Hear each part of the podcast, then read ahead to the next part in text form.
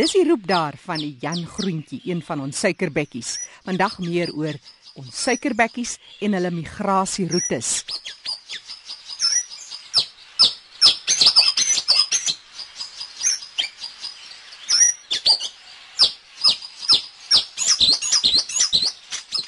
Gebroke migrasieroetes van nektarvretende voëls word weer verbind.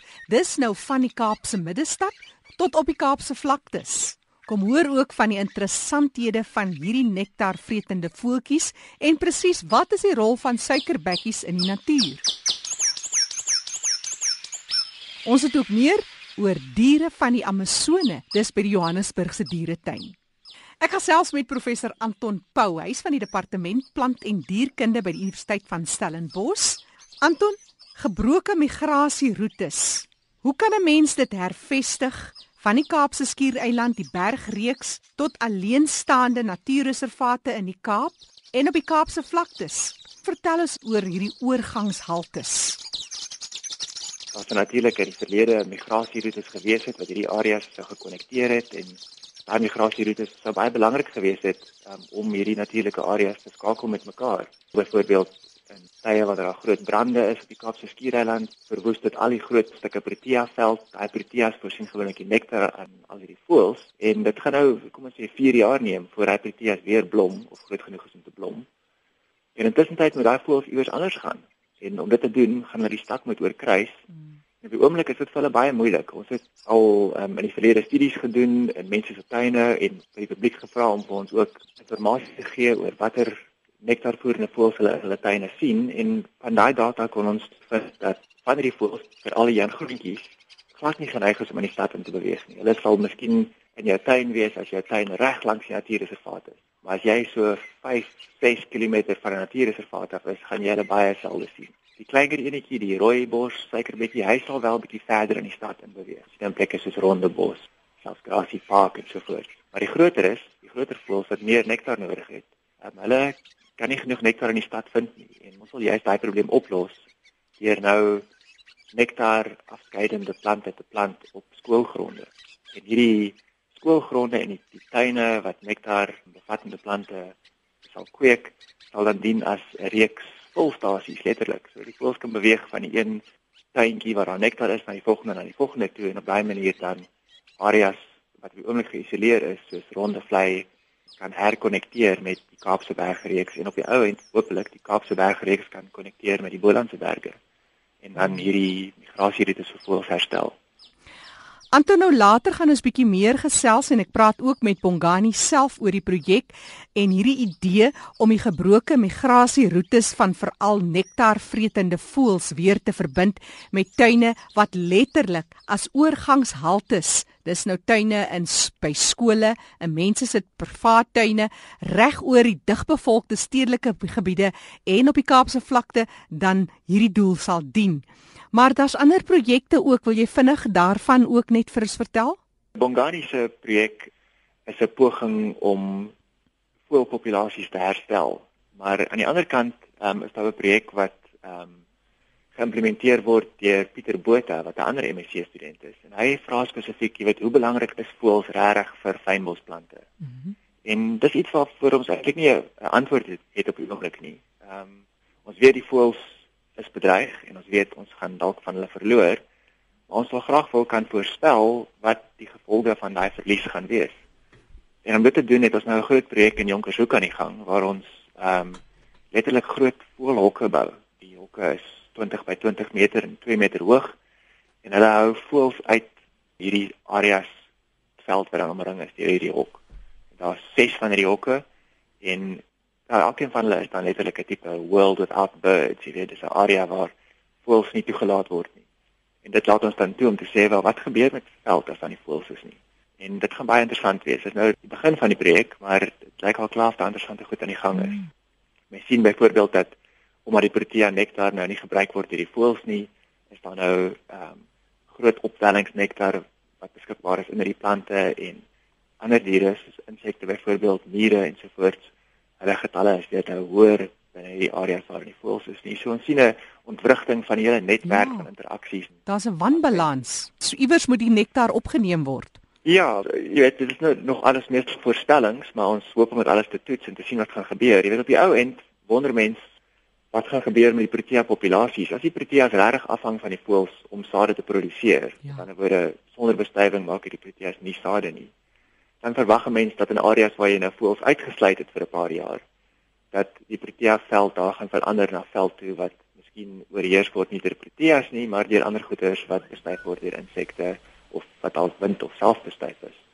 So op die ouend sou ek verwag dat sima daai jonkersoekaria brand nou soos wat in 'n geval gereeld gebeur dat die nuwe populasie plante wat gaan opkom in sekere areas waar die eksperiment nou toegepas word dat die veld daar anders gaan wees as net langsaan in die kontrole area waar voëls wel aktief was. Jy verwag dan dat die plantgemeenskap gaan skuif van 'n gemeenskap wat gedomeineer was deur voëlbestuifde plante na gemeenskap wat gedomeineer word deur insekte en windbestuifde plante. As inderdaad voëls wel belangrik is. Jy weet op die oomblik weet ons nie, jy weet wat is voëls se groot rol in die natuur? En dis eintlik die vraag. En daar's natuurlik ander aspekte tot daai vraag. Ons fokus nou in hierdie gesprek veral op hulle rol as bestuivers, maar hulle is natuurlik ook belangrik as predatore. Jy weet, ons vergeet dat voëls derduisende insekte eet elke dag. En selfs die nektarvoerende voëls eet ook insekte en vang insekte om te voer vir hulle kleintjies en so voort. So, hoe belangrik is hulle rol in die beheer van insekpopulasies? Dis 'n ander vraag. Mense miskien, jy weet dit kon toets deur dieselfde voëlhokke te gebruik. So, sien 'n mens binne in hierdie stukke veld waar daar nie voëls is nie, dat die insekpopulasies nou heelwat groter raak, dat uh, plante baie meer beskadig word deur insekte.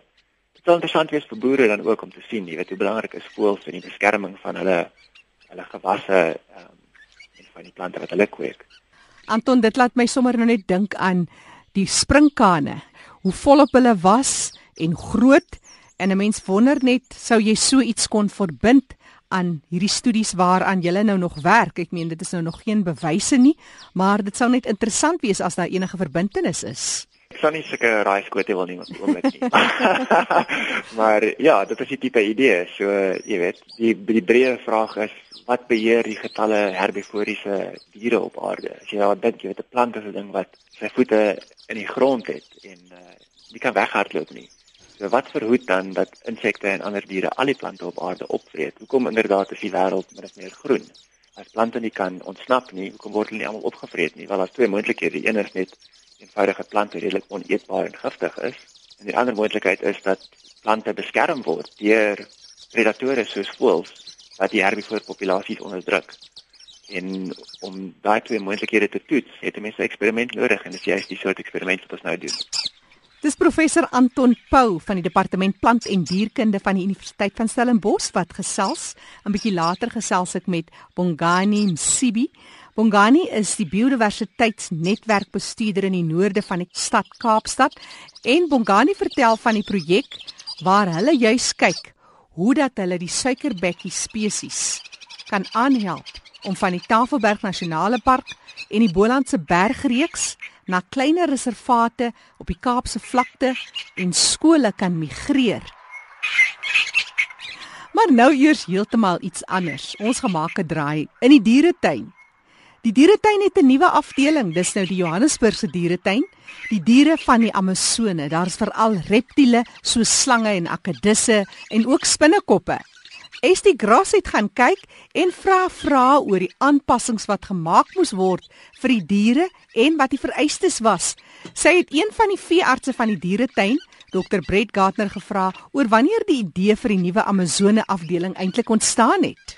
So ongeveer so 10 jaar terug het Dr Steven van der Spy die voormalige bestuurder van die dieretuin besluit dat ons wil iets kry wat ons 'n moderne dieretuin maak. Die besluit is daarop gemaak om oorspronklike ding wat hulle the Temple of Ancients wat toe op die einde die diere van die Amazone geword het te open. En soos ek kan hoor soos ons nou inkom is daar hierdie ego en die idee was om ietsie wat nie in Suid-Afrika toeganklik is nie te skep. Dit is nogal 'n baie duur projek, as ek reg verstaan was dit oor die 30 miljoen rand. Ja, dit kos 'n fortuin. Die oorspronklike kostes het hulle geskat sou omtrent so 10 miljoen gewees het en dit het ons op die einde 30 miljoen spandeer, maar ons moes die akwarium in Japan laat aan mekaar sit en dan oorskip hiernatoe en sommer deur die dak deur in huis as een stuk. Wat is die vereistes wat jy aan moes voldoen? So ons het tonne ingenieurs gehad wat die plek moes uitgrawe en dan het ons al ons waterpompe wat ons moet instel en noodpompe wat as die elektrisiteit afgaan, die water kan sirkuleer dat al ons visse nie versmoor nie en dat die verhitting aanbly. Al die hokke het 'n verskriklike dik glas en het in hulle as ons eintlik hier aan ons linkerkant kyk, want ons het hierso 'n uh, groen iguanas. Dis 'n herbivore akedus,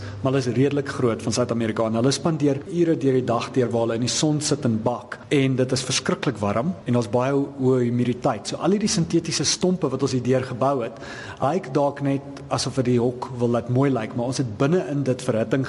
So jy sien dat baie van die iguanas lê eintlik bo op die hokke. Ja, ek sien daar uh, heel bo op die stompe in die hokke en dan uh, bou ons ook UV lig in dit in sodat hulle natuurlik Vitamiene D in hulle liggaam kan bou.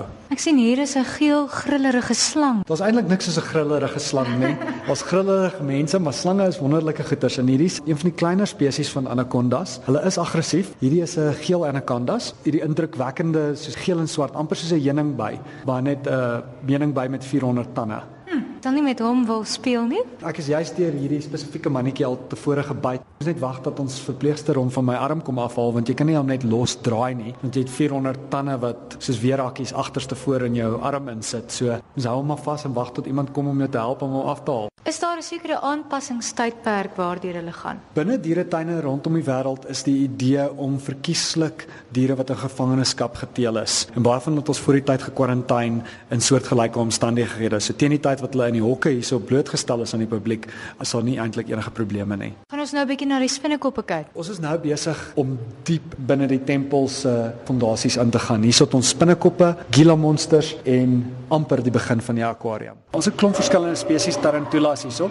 Ons hou hulle almal op hulle eie. Hulle is geneig om mekaar op te vreet. Mense is baie bekommerd oor die hoeveelheid tarantulas wat in Suid-Afrika inkom want daar's 'n moontlikheid dat hulle in die wild kan oorleef en baie van hulle is baie meer giftig as wat ons bobbejaansbinnekoppe is wat inheems is. Die ouens in die troeteldierhandel is baie onverantwoordelik met hierdie. Dit gaan net na enige iemand toe, hulle groei vinnig, mense laat hulle per ongeluk ontsnap. So dit is debatteerbaar of hulle in privaat hande in die land moet wees, maar hier by die dieretuin het ons 'n hele klomp van hulle en is goed gereguleer. Kan sien hoe sit hulle hierso in hulle spinnerakke en dooie kriek lyke en boombas. Ek dink ons is nou ietsie bietjie mooier toe gaan. Wat is hierdie ouetjie se naam? Dis 'n green bottle blue. Ons het bird eating spiders, rose, a Chilean rose, tarantulas. Dis almal verskillende spesies van tarantulas soos wat jy deurstap en as jy kyk na die grootte van die spinnekop wat daar agter wegkruip, is ek net verbaas dat die ding 'n voël kan opvreet, nê. Nee. Sjoe, is dit hulle stapelvoedsel? Hulle is opportunistiese jagters, so wat ook al oor hulle pad kom, maar van hulle het bietjie meer gespesialiseerde voedingspatrone. Oor die algemeen, as dit beweeg en dit maak hulle nie dood nie en is klein genoeg dat hulle dit kan vasvat, dan gaan hulle dit vreet. Bly daar's glas tussen my en hom. En nou is ons in die akwarium. So daar's baie groot akwariums in Suid-Afrika, maar daar is nie 'n akwarium in Suid-Afrika met so groot tonnel waar mens die geleentheid het om deur die akwarium te loop met die visse wat bo jou kop swem nie. So jy sal sien hier in die begin is ons nou vlak onder die water nog in. Die idee is dat jy's nou besig om onder die watertafel in te loop. Ja, dis soos 'n spiraal waarin ons afloop. En baie van die visse hier is ons nog klein enetjies. Ons gaan nog piranhas inkry. Ons is hier so besig om na golden oscars te kyk. Sjoe, dis 'n pragtige vis. So suier spesies. Hulle noem hulle plecostomus. Hulle lyk amper eintlik soos die Suid-Afrikaanse skreeubabertjies en hulle word verskriklik groot en die lekker ding vir ons om hulle te hê is dat hulle hou ons vistank skoon want hulle eet al die alge wat op die glas groei vir ons af. Waarna moet jy kyk om verseker te wees dat die twee spesies versoenbaar met mekaar gaan wees? Wat ons nou kyk is die eetgewoontes van die visse. Dit is baie keer niks te doen met dat hulle mekaar wil vreet nie, maar baie keer meng ons visse en dit het niks te doen met die een is 'n karnivoor en die ander is 'n herbivoor nie, maar dit baie te doen met hulle woongebied. Jy kry baie keer tot dieselfde spesies en as jy te veel van hulle insit dan beklei hulle met mekaar, as te min van hulle insit beklei hulle met mekaar. So ons kyk baie keer na ene wat dalk die bodem van die tank gebruik, een wat die middel van die tank gebruik en een wat die bokant van die tank gebruik en dan ook probeer ons om aggressiewe spesies nie met van ons rustiger spesies te meng nie. Dit is pragtig. Nou loop ons deur 'n watertonnel. En die idee is dat mens voel nou, jy so, sien soort van die lig, maar dit is 'n bietjie duister, amper asof jy onder die water hang En dan as jy deur kyk rondom jou, is daar hierdie groot skool van pakkoes wat herbivore is met 'n verskriklike stel tande aan hulle. Dit is regtig 'n groot vis. Ja, hulle weeg baie kilogram en redelike rustig. Hulle eet stukke appel en nou en dan 'n bietjie viskos, maar oor die algemeen is dit 'n herbivore en dan bo hulle kan jy sien daar's ons een van die visse wat jag. En ons sit nie veel van hulle in nie. Dis 'n arowana. Dis amper in die vorm van 'n paling. Dit lyk in die vorm van 'n paling, maar eintlik is mens dit sou moes vergelyk met iets is amper so 'n barracuda, behalwe dat hy het 'n massiewe bek wat oopvou soos 'n mandjie amper. En dan as haar kos bo die water beweeg, gaan spring hulle uit en verstrengel dan hierdie kos in hierdie massiewe bek van hulle. So ons voer hulle deur kos bo op die water te gooi. Hy draai die oë af. Hy's besig om vir ons hier op die bodem te kyk. Ja. So boor ons vlieg. Hy lyk nie baie vriendelik nie. Ag, wel, dit is mos soos 'n leeu. Hier is ons nou by die apies. Ag, hulle is te oulik. Lyk asof hulle snorbaarde het. Dis eintlik die snorre waarvan hulle naam vandaan kom met hulle lyk soos 'n ou Chinese emperor. So hulle is 'n emperor tamarin. Hierdie ouetjies is op 'n internasionale stadboek want dit is 'n bedreigde spesies. Wat is hulle temperament? Hulle is redelik rustig. Hulle is eintlik baie oulike diertjies. Een van die redes dat hulle so verplunder word in die wild is troeteldierhandel want hulle is baie soortgelyk aan marmoset apies. Bret, hoekom sal jy sê moet mense hier kom besoek af lê? Wel, dit is die eerste keer wat mense in Suid-Afrika 'n kans gaan kry om deur so 'n aquarium te stap, veral in Johannesburg. So dit is 'n goue geleentheid om een van die klein aquariums te kom sien en dan 'n baie mooi uitleg want hierdie hele tempel is soos 'n ou Mayan tempel verbou en dit is nogal, al kyk mens nie na die diere nie, baie mooi aan een gesit en dan die diere self is goeders wat jy nie alledag gaan sien nie. Jy kan kreer toe ry, jy kan National Geographic kyk, maar hierso kan jy hulle sommer reg voor jou sien en met jou oog teen die glas vir hulle loer. Die stem daarvan Dr Brett Gardner. Hy is een van die veeartse in die dieretuin, dis Johannesburg se dieretuin. Kollega Estie Gras het by hulle gaan kuier.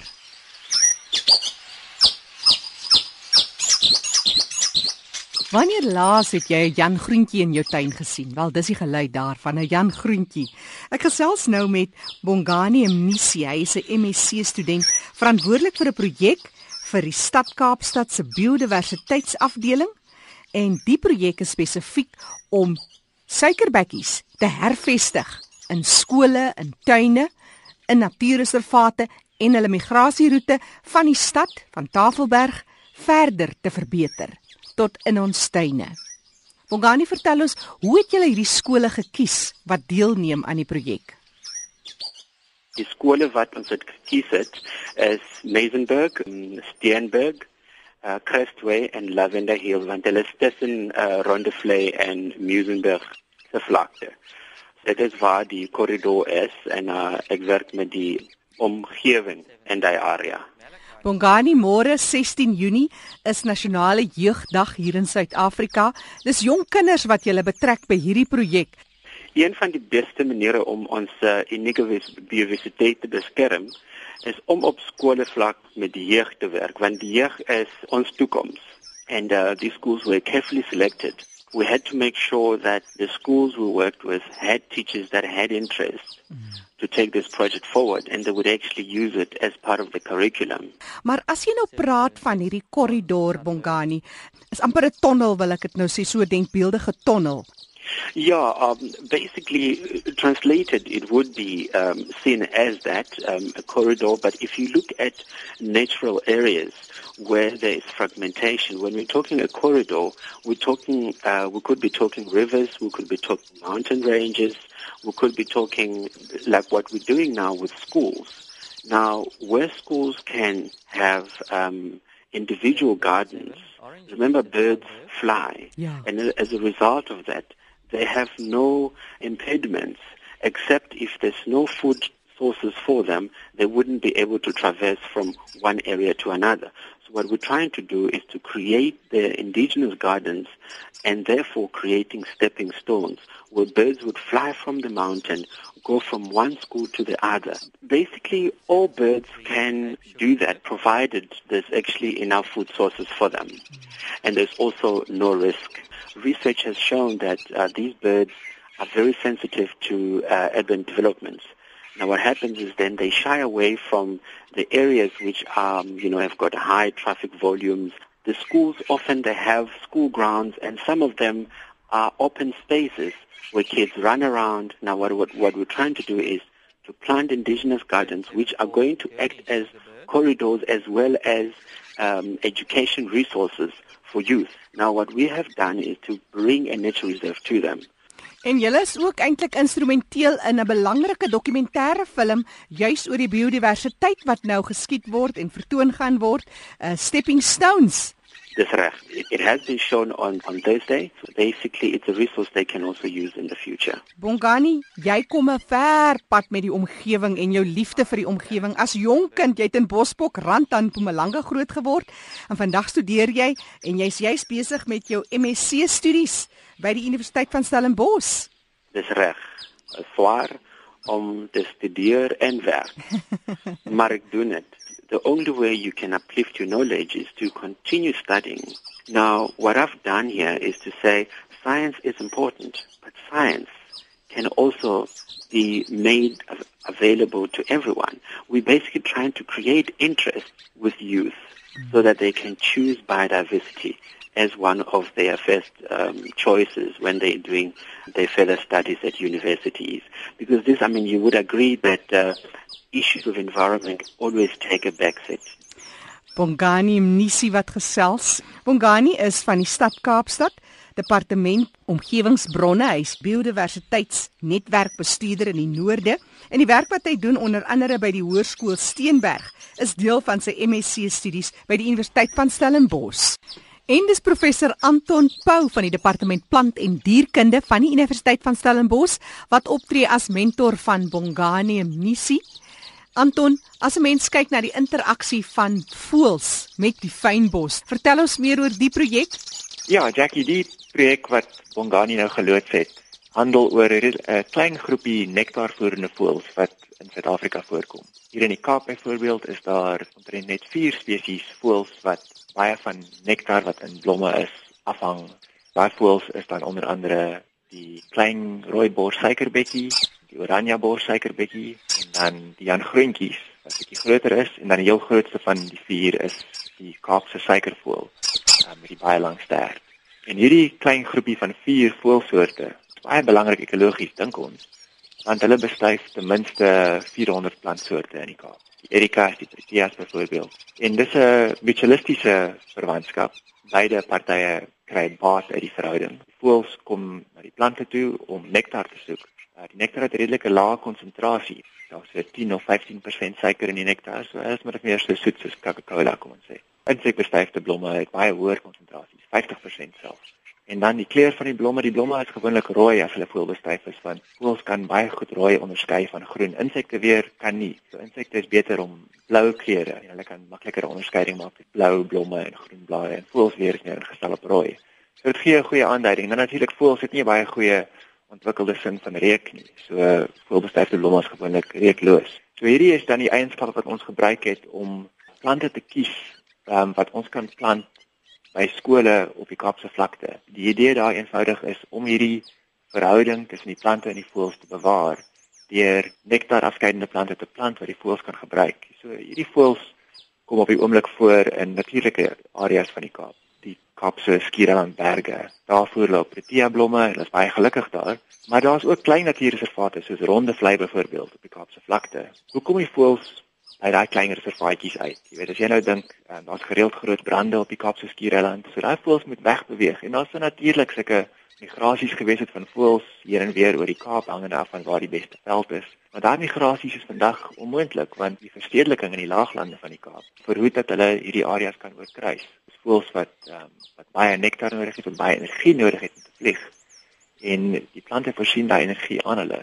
So ons hoop om hierdie migrasieroutes te herstel deur letterlik volstasies op te stel vir die voëls by hierdie skole en dan weer die natuurlike areas te kan herkonnekteer. So die Bolandse berge sal hopelik weer gekonnekteer kan wees aan die Kaapse Skiereilandberge. Ons hoop dan so om hierdie ehm um, verbindings te herstel tussen natuurlike areas. Maar dit is nie net een persoon wat nodig is nie. Jan publiek se hulp is nodig en dit was ook 'n hele span poging. Jy tree op as Bongani se mentor. Maar vertel ons van die ander mense wat ook betrokke is by die projek en hoe kan Jan en San publiek betrokke raak? Dan Sirk Geert, hy is by uh CPUT met ander woorde by die Kaapse Skiereiland Universiteit van Tegnologie. Um, en dan het ons ook by Sandy en by die Percy Fitzpatrick Institute of Ornithology vir Phoebe Barnard. Um, ander belangrike lid van die span is Anina Heistek en ek wil juist vir julle aanbeveel om haar vraelys in te vul. Sy poog om uit te vind weet waar kom voels heidaglik voor die Kaapse vlakte? Watter voels sien mense in hulle tuine, veral watter nektarvoerende voels? Om dan te kan uitvind, jy weet, watter soort tuine is die mees geskik vir voels? Waar vraelys sal jy vind die universiteit se webwerf en ook op dieselfde webwerf is daar inligting oor watter plante 'n mens kan plant om voels aan te moedig om na jou tuin toe te kom. Die webtuiste is http://academic, met ander woorde A C A D E M I C .sin met ander woorde Stellenbosch Universiteit .ac.za vorentoestreep botzo so b o t z o o Ja, dit is redelik eenvoudig. Ek herhaal dit graag. http dubbelpunt vorentoe skynstreep vorentoe skynstreep academic is a c a d e m i c .sun s u n .ac.za en dan weer 'n vorentoe skynstreep bot zoo. So eh, 'n belangrike deel van die projek is natuurlik om weer hierdie migrasieroutes van voëls te herkonnekteer en te herstel. Maar 'n ander baie belangrike deel van dit is opvoedingsmoontlikhede wat dit saambring. Die skoolkinders gaan dan ook vir ons die voëlpopulasies monitor hier vir ons te rapporteer oor watter nektarvoerende voëls hulle sien op die skoolgronde. Hoopelik gaan ons 'n uh, selfoon-applikasie kan ontwikkel wat kinders kan gebruik om hierdie inligting vir ons aan te stuur En so gesels professor Anton Pau, hy is van die departement plant en dierkunde by die Universiteit van Stellenbosch. Ek wil net gou-gou daai webtuiste herhaal, dis http dubbelpunt vorentoe skynstreep vorentoe skynstreep academic.san.ac.za vorentoe skynstreep botsu